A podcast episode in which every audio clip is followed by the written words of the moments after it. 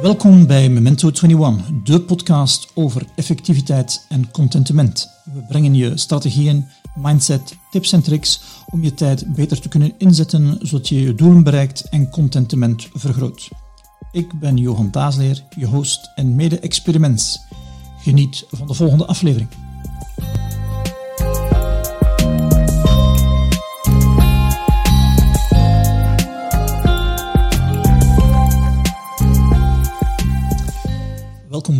Volgende aflevering van onze podcast Memento 21. En deze keer opnieuw niet met Steven, maar met Anne. Dag Anne. Hi, goedemiddag. Goedemiddag. Anne, als um, mensen nu tegenkomen op straat en ze weten niet wie dat je bent en wat dat je doet, um, wat vertel je dan? Uh, in de eerste plaats uh, dat ik mama ben van uh, Maniel, een kleuter van bijna vijf. Hij is nog vier, maar hij zou zelf zeggen bijna vijf. En uh, getrouwd met uh, Jo Peters, eigenaar van uh, De Chevaux. Mm -hmm. En verder dat ik eigenaar ben van Infinio. En binnen Infinio help ik leidinggevenden met het beter communiceren met hun medewerkers.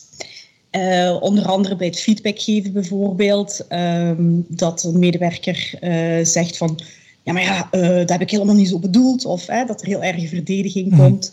Of iemand ziet het probleem helemaal niet in. Um, maar ook leidinggevenden die zeggen, ik heb echt een goed idee en hoe krijg ik dat nu, uh, hoe krijg ik mijn medewerkers of mijn team uh, daarin mee? Of one-to-one gesprekken die soms uh, helemaal niet zo efficiënt zijn en veel tijd kosten. Ja. Daar help ik leidinggevenden mee om daar beter in te worden. En dan zowel remote als live eigenlijk. Okay. En, ja. en, en de naam Infinio, heeft dat een bepaalde betekenis? Ja, voor mij staat er zo van het, voor het oneindige, zo, het oneindig ontwikkelen. Okay. Uh, dat is ook iets waar ik in geloof als, als, uh, ja, als leidinggevende, maar als mens ook, dat je ja, eigenlijk je hele leven kunt blijven ontwikkelen en leren en groeien. En mm. uh, vandaar de naam. Oké. Okay. Ja. ja. Dan hebben we wel een overlap, want in ons logo zit het teken van oneindigheid ook, de liggende acht. Mm -hmm. En dat voor ons is dat ook het teken van feedback en feedforward. Oké, okay, mooi. Het middelpunt is nu kijk naar het verleden en dan refereer je terug naar, naar hier. En dan gaat de feed forward doen aan de toekomst en je refereert terug naar, naar het nu. Dat is ons idee achter... Uh, ik denk dat dat een van de basis is van hoe kortere feedback loops, hoe gemakkelijker dat je kunt bijsturen. Ja. En, ja. en, en hoe, hoe zit in dat vak gerold dan? Uh, ik heb zelf eerst tien jaar leiding gegeven. Um, vroeger bij Van Ganswinkel, het afvalbedrijf. Ik weet niet mm -hmm. of je dat bekend ja. klinkt. En uh, later bij Metronic. En ik heb daar zelf eigenlijk zo twee leidinggevenden gehad die, uh, ja, die me altijd zo konden overtuigen en, en die me echt zo helpen doen groeien dat ik dacht, wat doen die toch eigenlijk? Mm -hmm. En uh, ik was er zo gepassioneerd van, van ja, wat doen leidinggevenden als die echt uh, ja, zo goed met mensen kunnen omgaan, zo goed kunnen communiceren, leiding geven. En uh, vandaar dat ik me daar heel erg ben in gaan verdiepen eigenlijk. En ja, tien jaar geleden ongeveer de stap gezet uh, om daar uh, fulltime mee bezig te zijn. En uh, ja, elke dag met meer passie eigenlijk. Okay. En met meer goesting dat ik leidinggevenden help. Ik vind het echt ja, heel leuk. En, en ter nagedachtenis aan Harry en Roy, die leidinggevenden zal ik maar zeggen. Mm -hmm. hè, die ik vroeger heb gekend. zo ben ik er zo'n beetje ingerold. Okay. Ja. Ja. En in uw, in uw ervaring zo, wat zijn de zou ik maar zeggen, de top drie zaken waar dat leidinggevend tegenaan lopen om, um, ik weet niet of ik nu moet noemen, uw medewerkers meer te overtuigen of meer impact te hebben? -hmm. um, in de eerste plaats, ik denk wat er um, belangrijkste denk wat leidinggevenden kunnen doen, wat vaak, wat ze soms vergeten is, communicatie werkt eigenlijk als een spiegel. Hè? Dus datgene wat je zelf uh, ja. geeft aan de ander, krijg je ook terug. En uh, dat vertaalt zich dan rechtstreeks eigenlijk als je als leidinggevende ook luistert naar je medewerkers. Dan is die bereidheid om te luisteren, die komt ook vaak uh, sneller terug naar jezelf. Mm -hmm. um, dus ik denk dat dat iets heel belangrijk is. Van, ik leer leidinggevenden wel hoe ze dingen goed kunnen formuleren, heel daadkrachtig en noem maar op. Maar eigenlijk misschien is het luisteren nog wel belangrijker. Dus ik denk dat dat iets is wat, uh, wat vaak uh, vergeten wordt. En zeker ook in feedbackgesprekken, heel veel leidinggevenden stappen daar soms ook in met zo'n idee van goh, ik moet de ander echt duidelijk maken dat hij iets niet goed heeft gedaan. Mm-hmm. Maar mijn geloof van feedback is dat je eigenlijk in de eerste plaats dan een feedbackgesprek dient om de ander te helpen het goede te doen. En niet zozeer te vertellen dat iemand mhm. iets niet goed doet. Dus, ehm, en ik denk als je tot daarmee instapt en ook met het idee dat in één feedbackgesprek niet alles meteen hoeft opgelost te zijn, maar dat je daar ook gewoon jezelf en je medewerker mhm. tijd en ruimte voor moet geven, dan, uh, ja, dan wint er al veel, denk ik. Uh, En ook bij veranderprocessen, ja, dat wordt zo... Ik zie bedrijven soms dan van A tot Z helemaal uitgewerkt hebben voordat ze een verandering gaan aankondigen en erin stappen. Mm Maar zoveel belangrijker om medewerkers veel sneller te betrekken en ze mee te nemen op die weg uh, naar verandering. Um, mensen komen niet graag doorgaans voor verrassingen te staan. En, dat hebben we allemaal goed geleerd in deze periode. Ja, hè? inderdaad. Uh, sommigen gaan dan heel krampachtig vasthouden aan wat geweest is of, of uh, al de nadelen zoeken van het mhm. nieuwe. Ja. En dat zie je in teams ook gebeuren. En, en als dat zo wat meer geleidelijk, met wat meer stapjes kan gaan, dan is vaak de overgang uh, veel makkelijker. En ik denk dat daar veel leidinggevenden naar op zoek zijn. Van hoe kan ik zorgen dat ik ja, dat ik mijn team meekrijg. En, mhm. en, eh, dat ze ook even enthousiast worden als ik over iets. Ja, en, en, en, en je zei van luisteren is er één van. Mm -hmm. ze meekrijgen met kleine stapjes. Wat is een, een derde? Waar dat ze tegenaan lopen? Um, wat ze vaak uh, nog lastig vinden, is zo uh, vanaf het moment dat er verweer komt. Okay. Hè? Uh, ik werk zelf ook als erkend bemiddelaar. Um, en ik kom dus in heel veel teams waar de armen gekruist over elkaar mhm. zitten en waar er doorgaans alleen maar verweer is.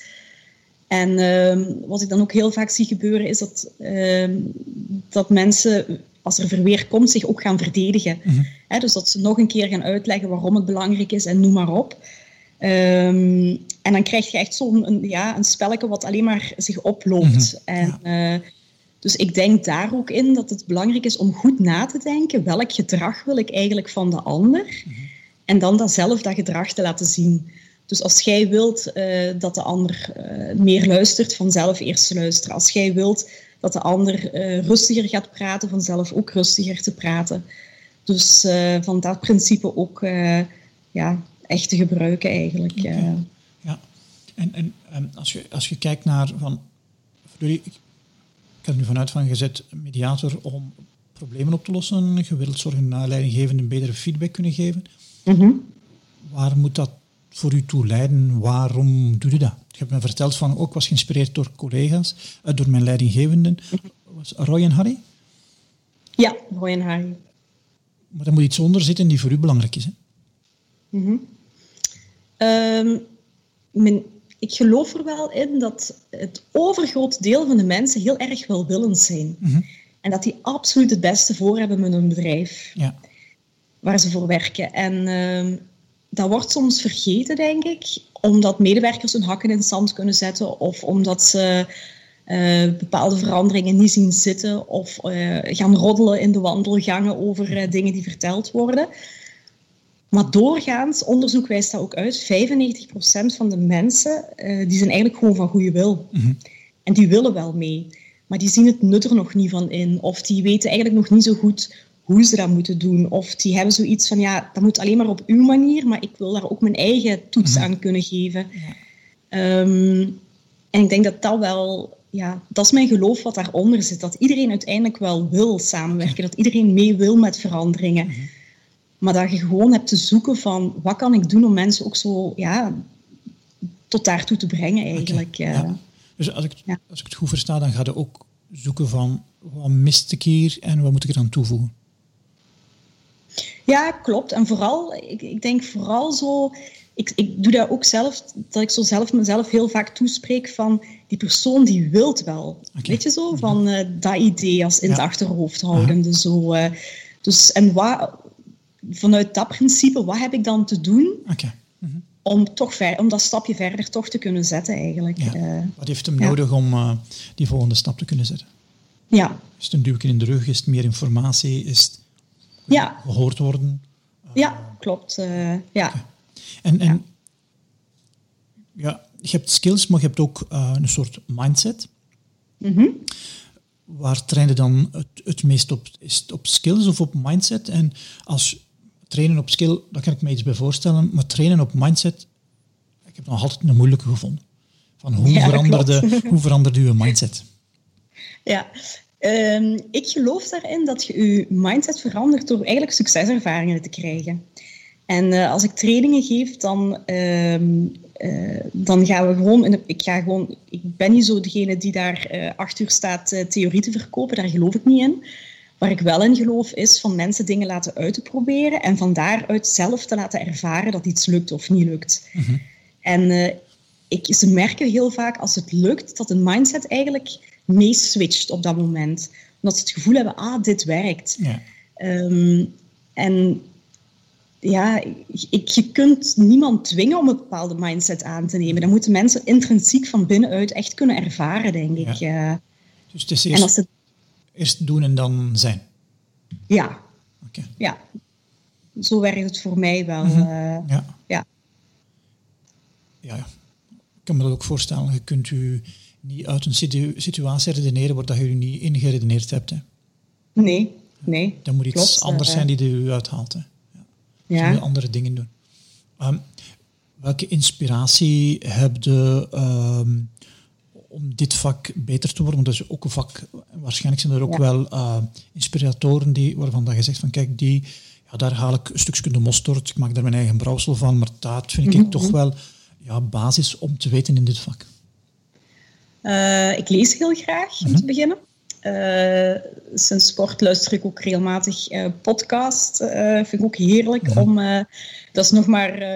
dat doe ik nog niet heel lang hoor. Dat, is, dat is, heeft een upgrade gekregen dankzij corona. Dus het brengt ook veel goeds. Um, en ik volg zelf heel veel trainingen. Ik, ik denk dat ik ongeveer ja, minimaal 10% van mijn omzet besteed mm -hmm. ik aan ontwikkeling aan mezelf. Ik denk dat je anders ook niet in dit vakgebied. Ja kunt blijven staan. Dat is gewoon mm. ontzettend belangrijk. En um, namen als um, ik, bijvoorbeeld uh, Esther Perel, ik weet niet of je haar kent. Ik was niet goed van haar een boek, moet ik zeggen. Nee, oké. Okay. Ik was, vond het echt een, een, een hele lastige boek om te lezen. Ik dacht van, ja. hier heb ik toch precies nog wel wat werk. Oké, okay, ja, ja, ja, ja. En kent je haar podcasts ook? Wel, ik moet zeggen, um, het was denk ik eerder de podcast die mij toch wel wat um, um, ja, moeite gegeven heeft om te beluisteren. Sommige gesprekken waren toch wel echt heel emotioneel. Dat je dacht van, oh, daar zong ik ook tegen. Ah, dat doe ik ook. Ja. Oh, ja. ja. En ze heeft zo'n ja. indringende stem, vind ik. Zo'n hele, ja, hypnotiserende stem. Ja, absoluut. Het is ook wel... Ja. Het is ook een Belgische, of ze is in ieder geval in Antwerpen uh, geboren, dus uh, we hebben er toch wel een connectie mee. Ja, ja klopt. Uh, ja, ik vind, ik vind haar wel een. Uh, ik, ik, wat ik heel mooi vind bij haar is hoe ze zo in een uh, gesprek zo, toch tot, heel snel tot de kern ja. kan komen van iets, hoe ze dat kan pinpointen. Dus dat vind ik wel een inspiratiebron. Um, ik heb ook heel veel geleerd van Koert Visser. dat is iemand die bezig is met progressiegerechte gesprekken. Mhm. Um, en dat helpt mij ook heel erg uh, in uh, ja, de gesprekken die ik zelf voer met leidinggeven, maar ook uh, ja. de training die ik geef naar, naar teams toe. Mm -hmm. um, wat nog meer, Deep Democracy. ik weet niet of je daar wel eens van gehoord nee. hebt. Dat is een, eigenlijk een manier om te zorgen dat ieder stem gehoord wordt. En ja, hoe fantastisch is dat niet als leidinggevende gewoon tools in handen hebben om te zorgen dat elk teamlid zich gehoord en gezien voelt uh, in het team. Omdat dat ook helpt om veranderingen sneller uh, te implementeren. Ja. En uh, Deep Democracy is een... Uh, Jitske Kramer heeft daar een boek ja. over geschreven. Mhm. Ja. En ik ben ook gecertificeerd hè, in, haar, in, de, in die kunde, zal ik maar zeggen, van het Deep Democracy gebeuren. En hij heeft me ook heel erg geholpen om zo hoe doe je dat tijdens meetings? Zo medewerkers die helemaal niks zeggen, die zo, hè, nu zeker remote, zo'n beetje schaapachtig naar het scherm zitten ja. kijken of die wegkijken als er een vraag komt. Mm -hmm. Hoe betrek je die erbij? Um, hoe zorg je dat uh, gesprekken tijdens uw meeting worden gevoerd en niet in de wandelgangen of hè, als de deur dicht gaat, dat iedereen uh, naar de privéchat uh, mm -hmm. gaat of naar de koffieautomaat en, en ja. daar met elkaar gesprekken voert. Hoe zorg je dat die ja, eventueel uh, grieven of dingen waar mensen niet mee eens zijn, dat die gewoon tijdens een meeting gedeeld kunnen worden. Mm -hmm. En uh, Deep Democracy vind ik daar een heel mooie manier in om dat voor elkaar te krijgen. Ja. Dus dat vind ik, vind ik echt ook een heel waardevolle inspiratiebron. En dan ook mijn, ja, mijn opleiding als, als bemiddelaar. Mm daarin leert je ook heel veel. Hè. Per definitie begint je daar met een groep die, wil niet, die niet wil samenwerken met elkaar of met mhm. één of iemand of meerdere. En uh, hoe gaat je daar als bemiddelaar uh, mee om? En die technieken probeer ik dan gewoon meer Jip en Janneke te vertalen van hey, wat kan een leidinggevende daar nu mee? Dus uh, niet dat elke leidinggevende bemiddelaar hoeft te worden, mm -hmm. maar het is wel leuk als je als leidinggevende daar zo'n paar basistips en tricks in hebt, in de vingers in hebt, ja. dan snel te kunnen toepassen. Dus, dat zal waarschijnlijk 80-20 regel ook zijn. Als ik 20% weet, ga ik misschien 80% van het resultaat hebben. Ja.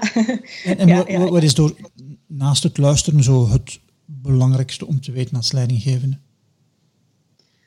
Um, zoals ik al zei, het luisteren sowieso. Um, de welwillendheid, hè, die we mhm. straks ook hebben gezien. Dat uh, slechts 5% van de medewerkers uh, echt een kont in de krip uh, ja. gooien en het niet willen. En die 95% uiteindelijk wel. Um, ik denk ook dat, um, ja, dat medewerkers gewoon. Um, ik denk dat die twee vooral het allerbelangrijkste zijn. Uh, en dat, dat er soms meer potentie zit in mensen dan naar, naar boven komt. Uh, en dat geloof daarin dat uw medewerker doorgaans uh, ja, meer inzicht heeft dan jij ziet. dat vind ik ook wel heel mooi. Om als basisuitgangspunt met medewerkers zo de gesprekken aan te gaan. Zo'n ja. basisuitgangspunt.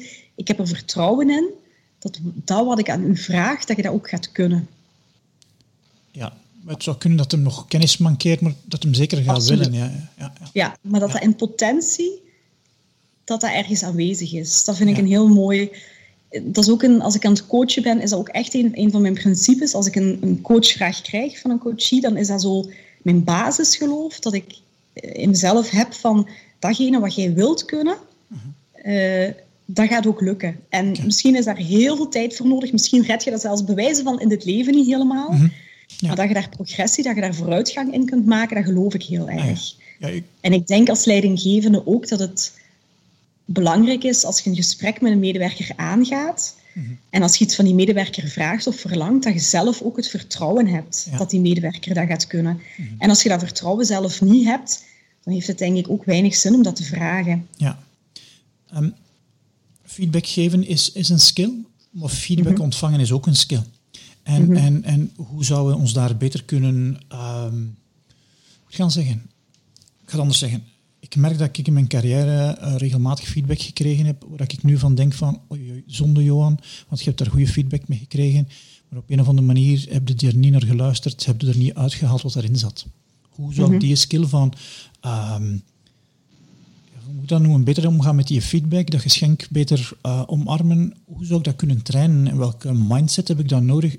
Misschien is dat dan als medewerker in plaats van als leidinggever, mm om, om, om ja, er meer uit te halen. Want het is wel zonde als je feedback krijgt en je doet er niks mee natuurlijk. Ja, absoluut. Uh, en je zegt nu als medewerker, maar ik denk als leidinggevende ook. Hè. Ik denk dat dat uw team u voortdurend feedback eigenlijk geeft, hè, als, als, uh, als van team naar leidinggevende toe. Um, wat daarin, ik heb voor mezelf ook zo altijd, want ik, ik was vroeger ook en, en soms nog, um, feedback krijgen is gewoon niet altijd leuk.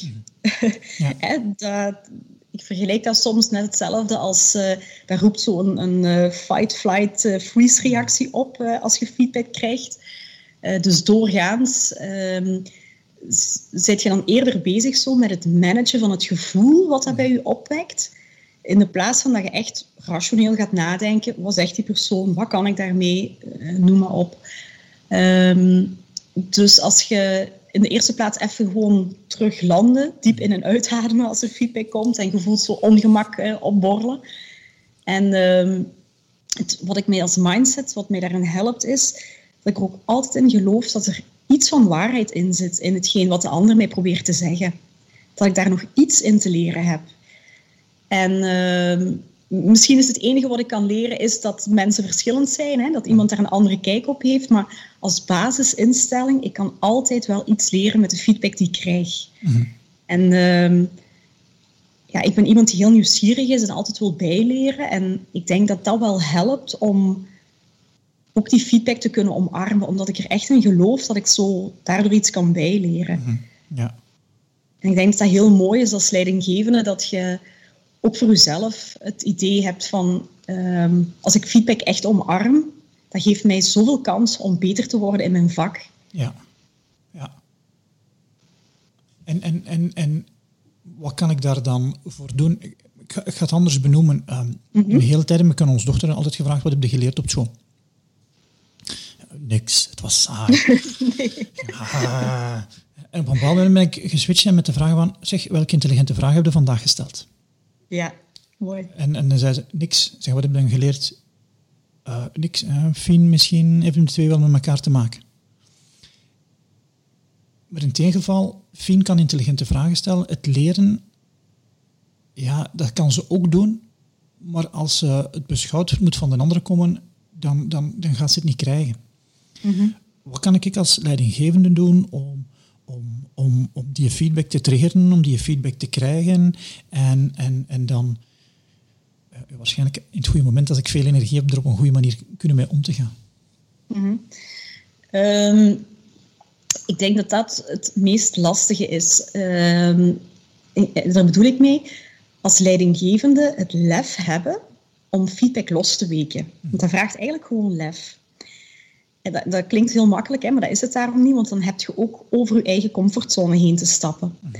En uh, wat ik heel soms, uh, of wat niet soms, eigenlijk heel, vrij regelmatig doe in teams, dat is dat ik bijvoorbeeld de vraag stel van um, dat ik mensen één op één uh, laat praten met elkaar en waarbij ze dan de vraag stellen aan elkaar van, of vertellen aan elkaar, dit vind ik dat je zou het echt moeten blijven doen, hè, omdat dat veel voordeel biedt hier zou ik mee willen dat je uh, stopt en uh, dit zou ik willen dat je dat anders doet, bijvoorbeeld. Ja.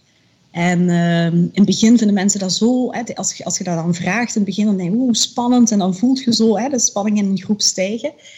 En na die oefening, dan is er zoveel relief, zoveel opluchting. Mm. En um, omdat ze dan sommige mensen zelfs wel vijf keer toe, hè, van allemaal verschillende uh, collega's, hetzelfde hebben gehoord. Dat ze dan denken van oké, nu valt het kwartje wel. Weet je zo? Het is niet uh, één iemand die dat zegt. Dus ik denk als leidinggevende het lef hebben om dat soort gesprekken met uw medewerkers op te starten. En daar vooral zelf het voorbeeld in te geven. Daarmee te starten. Mhm.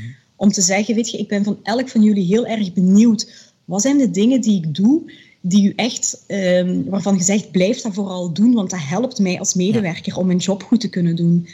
Wat zijn de dingen waarvan je zegt, stop daar alstublieft mee, want uh, dat, zit me, dat zit zo in de weg hè, als ik mijn werk moet doen. En wat zijn dingen die ik eventueel nog anders kan doen, die ik af en toe een keer doe, of, uh, maar die ik anders kan doen. En als je als leidinggevende het lef hebt om je daarvoor open te stellen, en ook als je, je mag daarbij gerust laten zien, denk ik dat dat spannend en dat dat moeilijk is, want dat vinden zij ook. Mhm. Dus die kwetsbaarheid tonen, daarin. Um, dat is ook heel mooi. En dat je zegt van, goh, weet je, ik vind het heel spannend om te doen en ik ga het toch doen. Ja. Um, en ik denk als je dat zo zelf aan je team kunt laten zien en dan vervolgens ook de overstap maken van, hey, weet je, misschien is het ook wel boeiend dat we dat van elkaar weten, uh, hoe dat zit. Ja. En dan uh, proberen zo in, in, uh, ja, verloop en één op één en dan laten wisselen. Op een heel vertrouwde manier mensen elkaar dat gesprek te laten aangaan.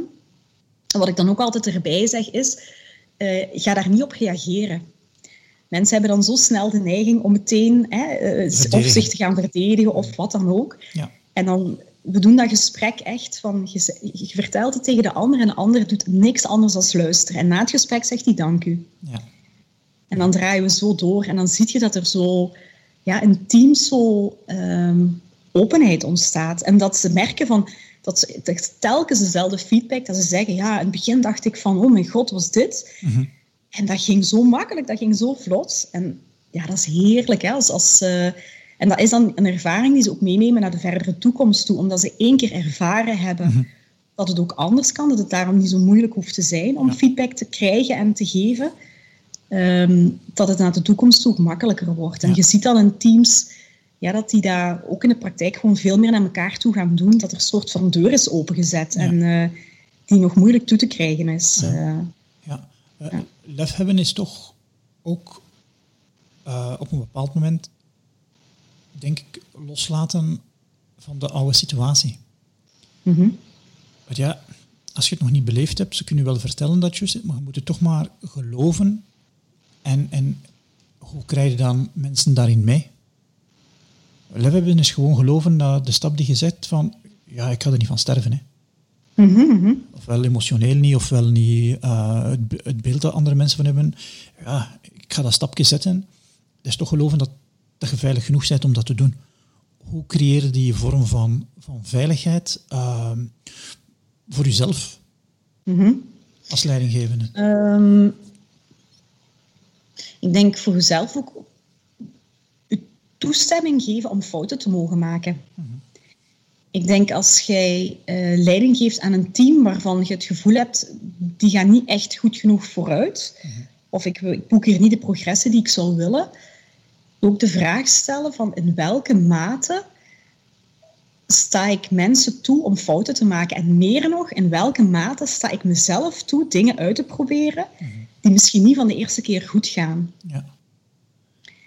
En dat is wel een voorwaarde, denk ik, om ehm, van goed leiderschap. Dat je jezelf toestaat om fouten te maken. Dat, dat je niet, uh, eigenlijk vroeger leiderschap nog wel eens is, van de almachtige leider die alles weet en alles kan.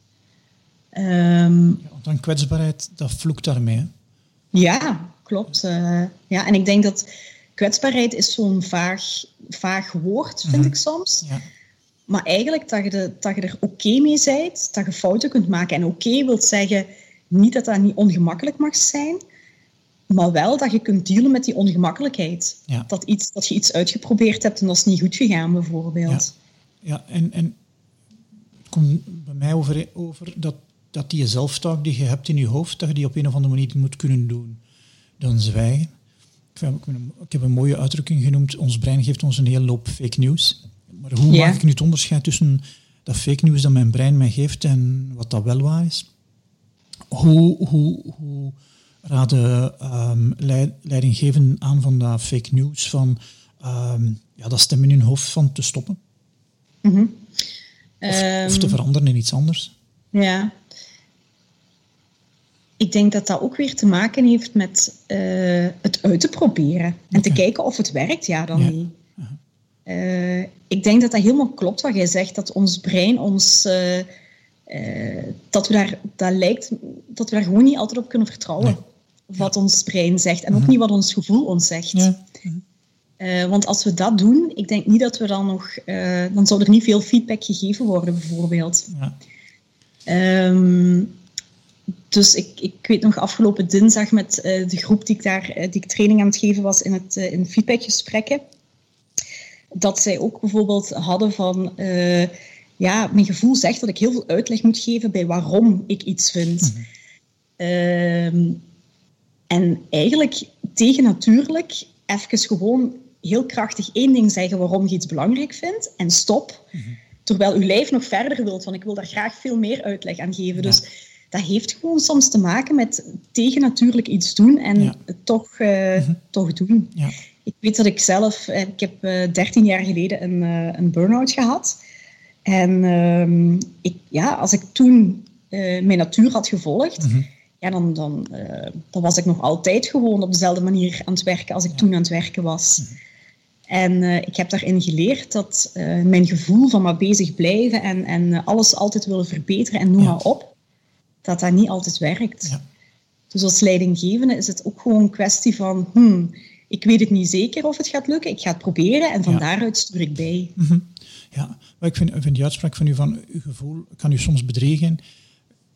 Ik geloof dat ook. Ehm, en en ik, soms word ik er ook wel woest van als mensen beweren, moet uw intuïtie altijd volgen. Ik denk van, ja, Ja, dat is nee, niet dat geloof waar. ik niet ook niet. Nee, Ik denk dat misschien Nee. moet ik mijn intuïtie volgen als er iets bedreigend is.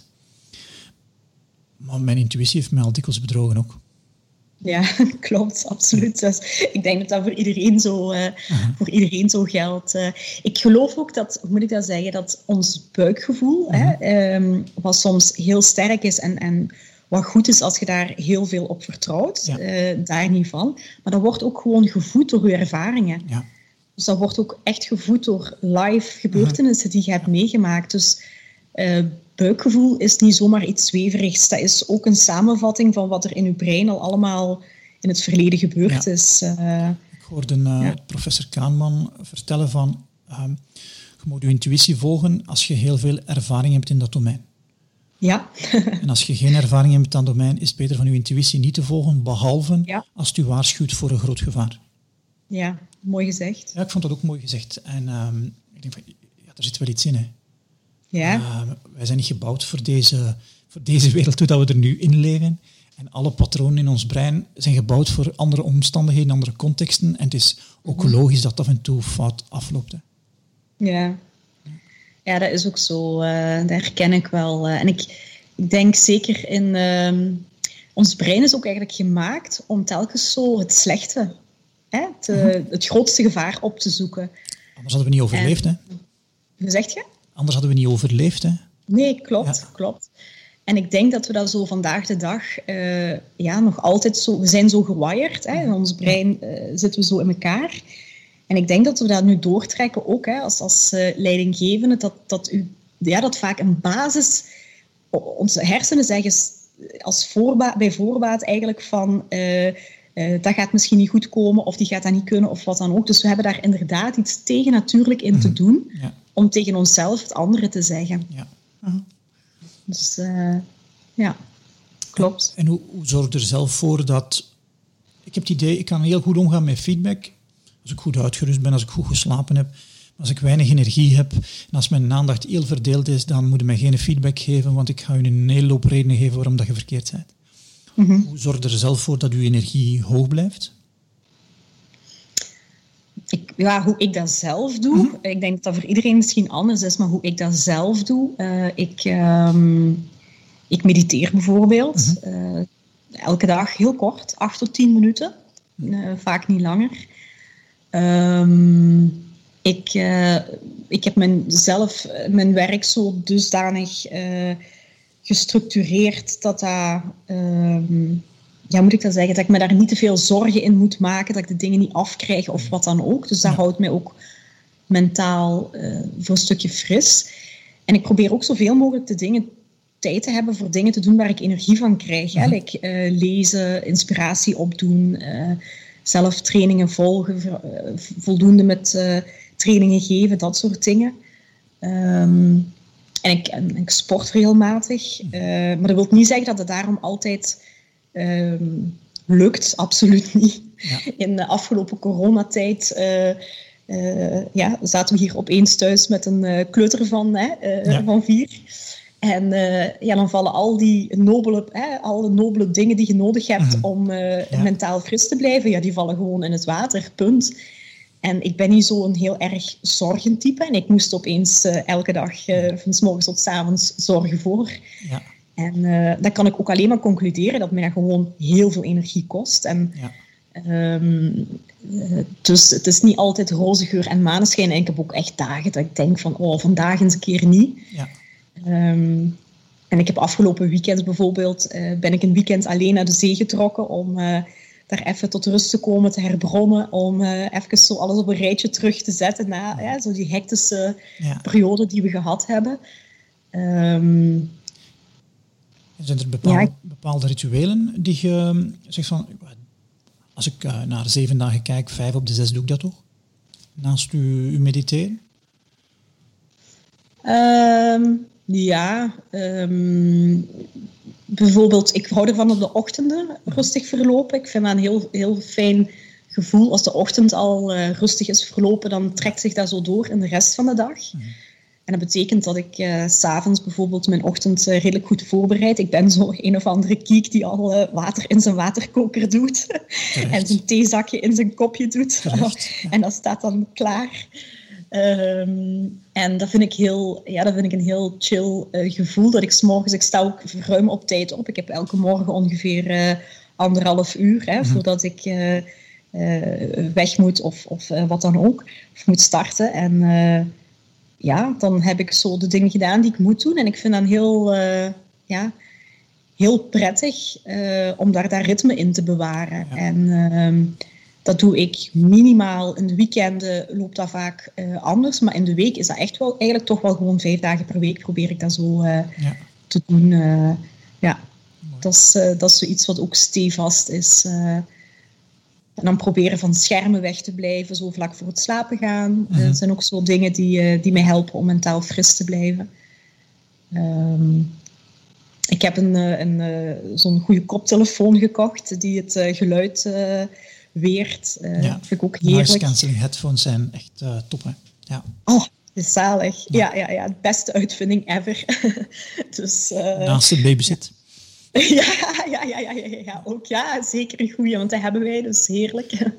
Ja, ja, die heeft me in de coronatijd er ook doorgetrokken. Op een gegeven moment voelt je gewoon, weet je, ik, uh, hè, dat je het niet meer trekt. En dan ben ik ook wel iemand, oké, dan ga ik gewoon ook even zitten van hier moet een oplossing voor komen. En uh, toen hebben we ook dan een, uh, een babysit in huis gehaald ja. om te zorgen dat ik gewoon ja, zelf mentaal nog fris kan blijven. Dus, ja. ja. Ik merk dus dat onder andere ik het soms zo moeilijk heb om hulp te vragen. Is dat mm iets dat je merkt ook bij leidinggevenden, dat dat precies erin gebakken zit, dat ze het moeten kunnen? Ja, um, ik denk dat dat iets menselijk is. Hè. Je wilt als mens zo volledig mogelijk zijn en, en, en zo capabel mogelijk zijn en alles. Dus ik denk niet alleen bij leidinggevenden, ik denk dat we dat allemaal hebben. Ik herken dat bij mezelf ook. Um, maar ik krijg heel veel, ik, ik doe veel coachgesprekken en ehm, ik krijg soms vragen van leidinggevenden waarbij ik dan ook de wedervraag stel van heb je al hulp aan je team gevraagd? Mhm. ja. Ehm, en uh, heel vaak is het antwoord nee, omdat het idee zo leeft van ik moet het eerst zelf uitgedokterd hebben en dan kan ik het voorleggen. Ehm, en ja, dat geeft mensen eigenlijk, je doet daar medewerkers zo'n plezier mee als zij al in een heel vroeg stadium mogen meedenken. Want eigenlijk zegt jij van, ik, ik vind uw mening zo waardevol dat ik u nu, hè, dat ik u nu al betrek, weet geen waar, ik, waar ik aan denk of waar ik mee bezig ben. En ik denk dat we zoveel cadeautjes geven aan mensen die we om hulp vragen. Mhm. Eh, ja. Dus ik denk dat dat mooi is om daar gewoon meer te doen. Om, ik denk dat het idee dat we iemand daarmee last, tot last zijn, dat dat niet altijd klopt in tegenstelling. Het is wel iets dat waarschijnlijk ons aangepraat is. Hè? Ja, misschien, maar ik weet eigenlijk niet goed hoe dat komt. Hè? Maar ik weet niet. Ik, ik ook niet. Uh, misschien in onze opvoeding hebben we het misschien meegekregen van, kun je dat nu niet alleen? Moet je mij ja, nu de, de wereld komen vragen? Kom je nu weer al vragen hoe dat, dat gaat met die iPad? Misschien is dat zo dat we dat opgelopen hebben. Ja, dat zou kunnen. Of misschien is dat ook uh, van onze natuur dat we willen uh, ja, in, individueel zijn. Uit misschien angst van als het ander nee zegt, ja, dan is mijn persoon niet goed genoeg. Misschien is het ook de schrik van nee te krijgen. Ja, dat zou kunnen. Ja, ja, ja. Dat, is ook nog zo, ja, dat speelt ook mee in het feedback. Hè? Dat, dat, um, dat vaak de, de, de, de, feedback die je krijgt, wordt heel persoonlijk wordt, hè, uh, opgevat. En, en eigenlijk zegt je gewoon, geeft je feedback over een bepaald gedrag wat iemand stelt. En niet, niet over iemand. Goede feedback gaat toch niet over iemand zijn persoonlijkheid of, of, uh, ja over wat dan ook. Ehm, eh, en dat is ook wel een lesje, denk ik. Ik heb dat zelf ook wel moeten leren, hoor. Dat van de dingen niet zo persoonlijk te nemen altijd. Ja, ja je kunt dat wel mentaal verstaan. Soms in het moment dat je energie laag zit of dat je ja. getriggerd bent, is dat toch, merk ik, een uitdaging dat Dan hervallen we allemaal zo tot oermensen, hè, als onze energie laag zit. Dat is niet te doen. nee, klopt. Uh, klopt. Zo, een van de en dat zit dan meer in de spirituele hoek, waar ik nogthans niet echt voor zo bekend sta, zijn de, de Toltecs. De, mm Don Miguel Ruiz heeft zo vijf afspraken. Als je die met je eigen maakt, dan, dan, ga je echt een, een succesvol leven hebben, hoe dat je het ook omschrijft. En de eerste is, neem niks persoonlijk. Ja. ja dat is toch een uitdaging om dat, uh, dat te volgen. Ja. Die afspraak met je na te komen. Je, ik vind dat soms nog ook zo, ik moet mezelf dan ook soms toespreken van, uh, ik vraag bijvoorbeeld altijd feedback ook nadat ik een training heb gedaan of, of na een coachtraject of wat dan ook. En um, dan moet ik mezelf ook altijd toespreken, zo, zowel bij verbeterfeedback, maar zeker bij positieve feedback, van um, daar neutraal onder te mhm. blijven eigenlijk. Ja. Want ik denk dat dat van beide kanten werkt. Als je zo te enthousiast wordt van positieve feedback, dan, dan gaat je dat ook verpersoonlijken. En dat helpt u naar de andere kant toe ook niet. Ja. Dus um, dat is ook wel iets waar, waar soms, uh, ja, waar ik soms wel leidinggevenden ook mee help. Van meer, ja, dat is ook een stukje ego ergens, hè, wat, wat gestreeld wordt. Om, um, als je feedback krijgt, zowel positief als negatief, van uh, je ego ook een stukje aan de kant te kunnen zetten om het echt te kunnen aannemen wat er verteld wordt. Ja, klopt. Ja. Een van mijn, ik denk dat momenteel mijn favoriete schrijver is, maar dat kan binnen vijf jaar anders zijn, is Ryan Holiday. Hij heeft een boek geschreven, Ego is the Enemy. Ja, zo, ja, wat doet uw ego dat je niet kunt luisteren? Wat doet uw ego dat je dit... Uh, ik vind het echt een hele waardevolle, hele waardevolle boek. Het is gestoeld op stoïcisme. Mm Wat uh, nu voor mij een soort levensfilosofie is om ehm, ja, met de dingen die rondom ons gebeuren beter om te gaan, om beter mijn aandacht te sturen.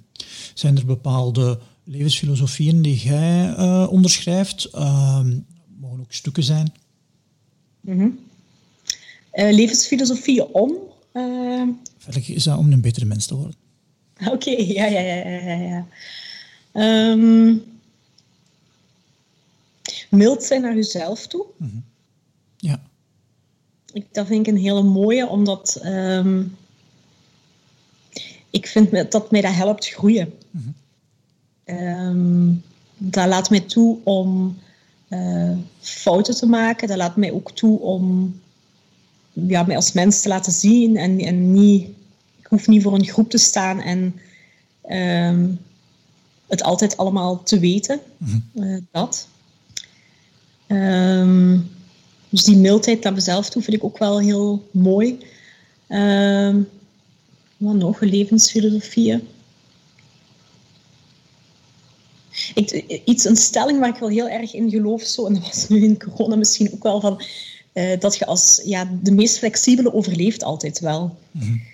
En uh, degene die zich het best kan aanpassen eigenlijk. Ja. Hè? Het, um, en daar geloof, ik, daar geloof ik ook wel heel meer en meer in eigenlijk. Dat, ja, dat we ons dat in ons leven te doen hebben gewoon. Van uh, ons ja, te kunnen aanpassen aan de omstandigheden die veranderen. De veranderingsbereidheid en, te cultiveren en ja. ons aan te passen.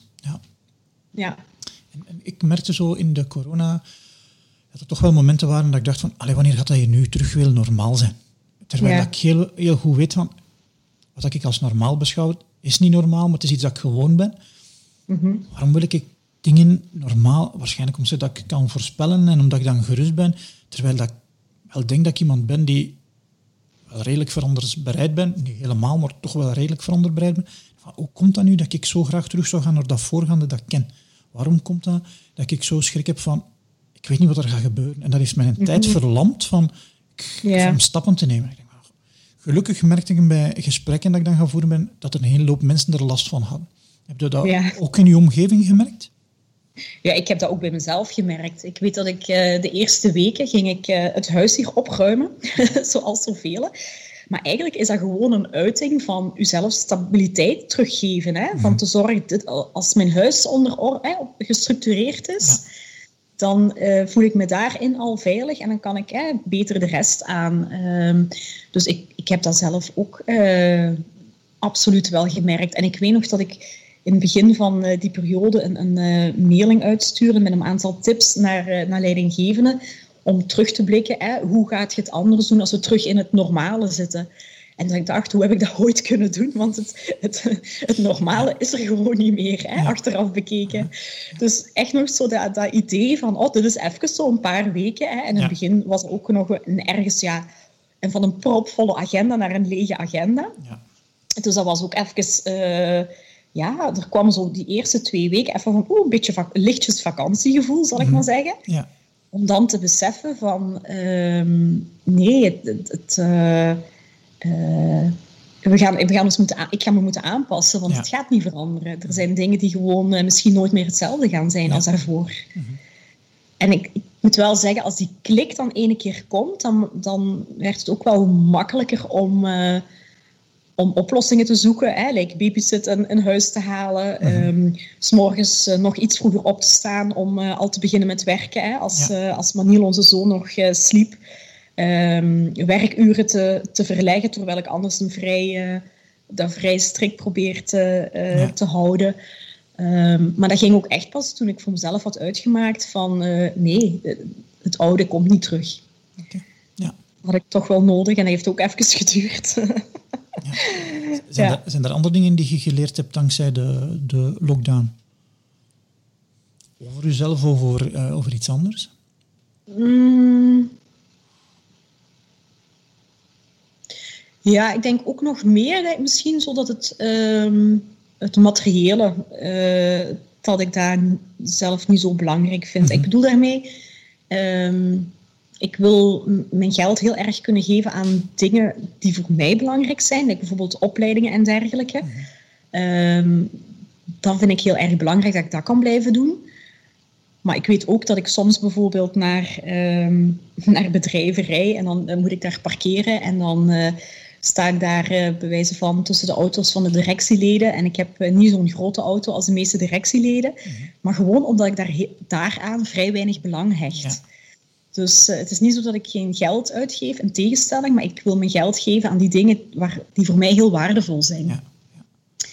En uh, ik heb ook gemerkt, dus in, in, ja, nu, dat was even zo dat ik het gevoel had van oké, okay, er vallen heel veel opdrachten weg, of tenminste, of op zijn minst verplaatst. Um, dat je denkt van ja, eigenlijk maakt dat voor mij ook hè, financieel niet zo heel veel uit, omdat ik aan de dingen die doorgaans heel veel geld kosten, misschien uh, minder waarde hecht. En dat is heel makkelijk om te zeggen, hè, want ik, uh, ik wil we hebben het financieel ook gewoon goed genoeg om dat te kunnen zeggen. Dus dan, dat begrijp ik ook wel al te best. Um, maar ik weet ook, toen ik 13 jaar geleden een burn-out had, toen had ik uh, loopbaanonderbreking uh, genomen. Omdat ik dat toen het meest verre vond naar de werkgever. en ehm, ik moet ermee lachen als ik het nu zelf zeg, uiteraard. En ehm, dat ik toen het gevoelsmatig ook hè, minder geld mm-hmm. verdiende ja, niet gevoelsmatig, dat was ook zo. En dat ik merkte van, oh, ik hoef niet altijd de nieuwste kleren of wat dan ook te kopen. Dus dat gevoel dat je zo, ja, dat je daarin kunt, uh, dat je daar minder in kunt doen. Met minder middelen ook heel gelukkig kunt zijn. Mhm. Ja. Uh, dat vond ik een, een geruststellende uh, gedachte. Dus dat heeft me ook nooit zorgen gebaard of, of wat dan ook. Ja. Ik had al een aantal dingen van uw burn-out geleerd die je hier kunt gebruiken in de, in de lockdownperiode. Ja, dat is zo mijn, mijn, ik heb toen zo echt wel een puntenlijstje, zal ik maar zeggen, hè, voor mezelf mm -hmm. uh, opgesteld. Waar bijvoorbeeld in staat uh, mediteren, uh, voldoende water drinken. Heel simpele dingen, maar ik ben iemand, ik kan zo opgaan in mijn job dat ik vergeet te drinken. Mm -hmm. Um, schermtijd beperken, um, dingen doen die energie geven, wandelen, alleen zijn. Ja. En ik heb gewoon uh, op een gegeven moment dat puntenlijstje er terug bijgenomen en die terug hè, geïnstalleerd uh, of ja. geherinstalleerd ja. in het leven. Um, wat er in coronatijd was. En dan merk je ook eigenlijk heel snel dat het allemaal wel terug loopt. Ja. Maar je hebt er even zo terug bewust van te worden. Ja. Wij merken hier thuis van, we geven toch wel wat centen uit en we hebben de corona veel minder centen uitgegeven dan, dan, dan normaal. We hadden veel meer uh, spaargeld uh, tijdens, tijdens ja. de corona. Dat je dacht van, gaat die centen naartoe? Daar moet ik toch wel eens werk van maken van dat inventariseren. Want op een of andere manier hebben we toch een aantal dingen buiten de corona meer uitgegeven dan, dan nu. Uh, ja, absoluut. Dat was wel een goede, een goede vaststelling. Ja, ja, ja. Dus ik weet niet of dat de economie zo hard gaat terug opveren nadat we uit ons kot mogen. Uh, ik heb ook nog niet dat gevoel. Ja, ik heb ook nog niet dat gevoel. Ik heb nog, nog, nog een aantal korte vragen. Uh, je mocht er kort op antwoorden of lang op antwoorden. Mm -hmm. um, wat, zijn, wat, is uw um, favoriete auteur? Mm, boek wat ik sowieso... Uh, de kracht van het nu bijvoorbeeld. Mm -hmm. Eckhart Tolle vond ik uh, mooi om te lezen. Gooi het roer om van David Marquez, geloof ik. -hmm vond ik heel graag gelezen. Um, Drive, Daniel Pink. Ja. Simon Sinek, Why. Why. -hmm. um, ik kan er zo niet echt eentje uithalen, omdat ik, dat vind ik heel erg lastig. Um, ook in fictie, ik heb zo altijd een, eh, een veel uitgebreider lijstje van uh, boeken wat ik, uh, ja. die ik graag gelezen heb. ja, absoluut. Ja, ik, ik merk dat ik nogal auteurgericht ben.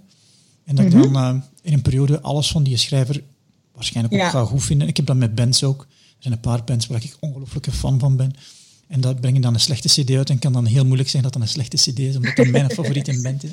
En bij schrijvers hebben dat ook wel. En, ja, hè? ja. Ja. Um, wat is de... Ik heb bijvoorbeeld uh, alle boeken van uh, Koert Visser bijvoorbeeld. -huh. heb ik ook allemaal hier staan. Omdat op een gegeven moment voelt je van ja, dat, dat klopt hè, wat hij zegt. Of, of dat werkt wat hij... Ja, dat is een eer Ja. Ja, en dan uh, kan ik me daar ook wel in verliezen, inderdaad. Uh, ja. boeken uitgeven, daar ga ik trouwens nooit op besparen, ook niet. en boeken, van, uh, boeken kopen. dat is wel grappig, want ik, dit jaar heb ik met een van mijn projecten is, ik koop geen nieuwe boeken dit jaar. Ik okay. merkte dat ik heel veel nieuwe boeken kocht. Een nieuwe boek komt uit. En dat ik um, gezegd heb in het begin van het jaar, ik ga geen nieuwe kopen. Ik ga alleen nog maar herlezen wat ik al heb. Ja. Of oude boeken kopen. En ik merk dat het nu ook wel echt gemakkelijk is. Ik moet niet meer beslissen. Ah ja, oké. Ja. Eh, nee, ik moet dat niet kopen. Het gaat niet van de jaar. Als Ryan Holiday een boek gaat uitbrengen dit jaar en er staat nog in op de lijst, misschien ga ik wel een uitzondering ah. Mild zijn naar jezelf, hè. Mild zijn naar jezelf. maar ik vind het wel goed van, van, van, van regels te hebben, maar dan ook uitzonderingen te hebben om die te kunnen overtreden. Ja, ja ja, klopt. Wat is een tool die je zegt, dat gebruik ik dagelijks? Naast uw waterketels morgens natuurlijk, maar wat is een andere tool die je gebruikt dagelijks? Uh, mijn uh, mijn to-do-list bijvoorbeeld. Ik, heb, uh, ik weet dat jij grote fan bent van Getting Things Done, mhm. maar ik heb daar voor mezelf werkbaar gemaakt tot één documentje. En dat is mhm. zo'n, ik doe dat ook niet online, ik heb daar gewoon een papier, een geel blad, wat ik bij me heb liggen met uh, de kolom to do, de kolom opvolgen en de kolom losse ideeën. Mhm. En uh, dat is echt mijn houvast. Ja. Uh, dat is mijn extern brein, zal ik maar zeggen. Um, dat geeft me heel veel ja, steun. En dan ben ik ook gerust dat de dingen die ik moet doen, die staan daarop. En dat ik niks uit het oog verlies of wat mhm. dan ook. niet dat dat niet soms nog een keer gebeurt, maar ehm, daar zou ik niet zonder kunnen. Ja. Uw favoriete vakantiebestemming? Uh, Barcelona. We zijn daar uh, ook uh, getrouwd uh, een aantal jaar geleden. omdat dat echt als een tweede thuis voelde. Mm we gingen daar ook, ik zeg gingen, want sinds dat we mama en papa zijn, is dat een stukje geminderd. Maar we gingen daar echt minimaal twee keer in het jaar naartoe omdat het zo'n stad is, net als bijvoorbeeld Sydney, uh, waar je zo dat echte stadsleven hebt, waar mhm. ik zelf heel erg leuk vind, zo die bruisende cultuur van een stad. Maar ook zo het strand en het, uh, het, het mhm. vakantiegevoel van uh, ja, helemaal op de buiten te zijn. Um, en die combinatie vind ik heel erg leuk. Mhm. En het is ook een stad, ik vind altijd steden leuk die je zo te voet tot in het oneindige kunt blijven ontdekken. Ehm, en dat vind ik met Barcelona wel. Um, vond een, ja, ik vind een heel leuke vibe hangen. In de loop der jaren werd het wel heel erg druk daar. Dus of de liefde nu nog zo groot is, ik kan het u niet zeggen. Ja. Ehm, en ik denk ook dat dat met levensfases te maken heeft. Hè. Uh, sinds we, we hebben een, bijvoorbeeld een appartementje aan de kust. En sinds we mama en papa zijn, uh, gaan we daar echt heel veel naartoe. Mm en als je ons daarvoor zou gevraagd hebben, dan zou dat echt, zouden we zeggen, dat is het laatste wat we ooit zouden. Echt ondenkbaar. Wie gaat er naar onze Belgische kust? Echt geen haar op ons hoofd dat daaraan zou denken. Ja. En uh, nu zijn we daar zielsgelukkig eigenlijk. Um, dus dingen veranderen, denk ik, ook gewoon. Hè, en afhankelijk van de levensfase waar je in zit. En ik moet zelf zeggen, op dit moment heb ik misschien zelfs niet zo'n zin om nog een keer naar Barcelona te gaan. Um, Mhm. Dus uh, ja, binnen een paar jaar kan het weer helemaal anders zijn. Ja. Eh, wat is iets naast het idee van een appartement aan de kust, nog iets waar dat je van zegt van, daar dacht ik vroeger anders over? Mm. Ja, bijvoorbeeld, eh, mijn man en ik hebben altijd tegen elkaar gezegd dat we geen kinderen wilden. Mm we zijn ook zo met dat idee uh, getrouwd. Dus uh, we gaan geen, hè, er komen geen kinderen, want dat is echt niks voor ons.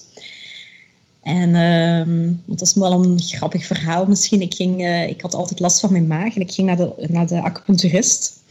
Ik had dat nog nooit gedaan. Een vriendin zei, moet je echt eens doen. En ik lag daar echt tussen de twee meetings. Het was een heel drukke dag. Tussen twee meetings door lag ik daar op die tafel.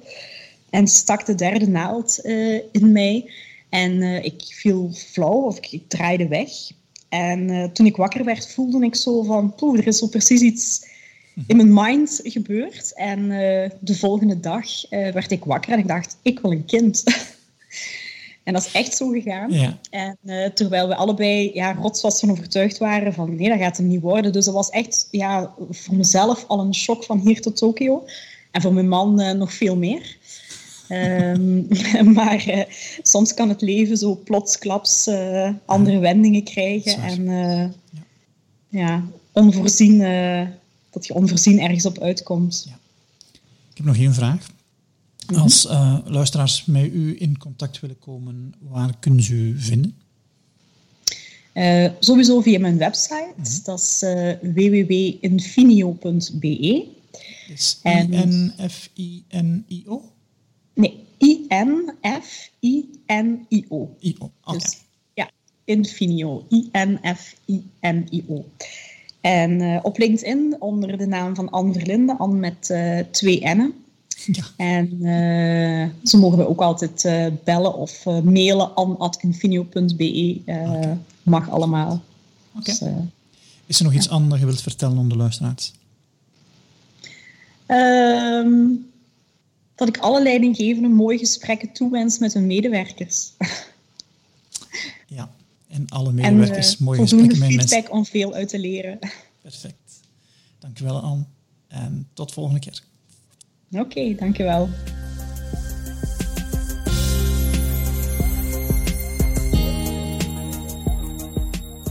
Dankjewel voor je tijd, energie en aandacht. Deze podcast is gratis, maar kost wel wat centen om in de lucht te houden. Indien je ons graag wil helpen, kan dat door ofwel een gast aan te dragen en of door ons te raten op iTunes. Geef ons een ster of meerdere sterren. Dankjewel. Bedenk wel, al het advies dat we geven is zelfadvies en is met jouw gezond verstand te benaderen. Doe geen dingen die we ook niet zouden doen. Tot hoors en go and fix something.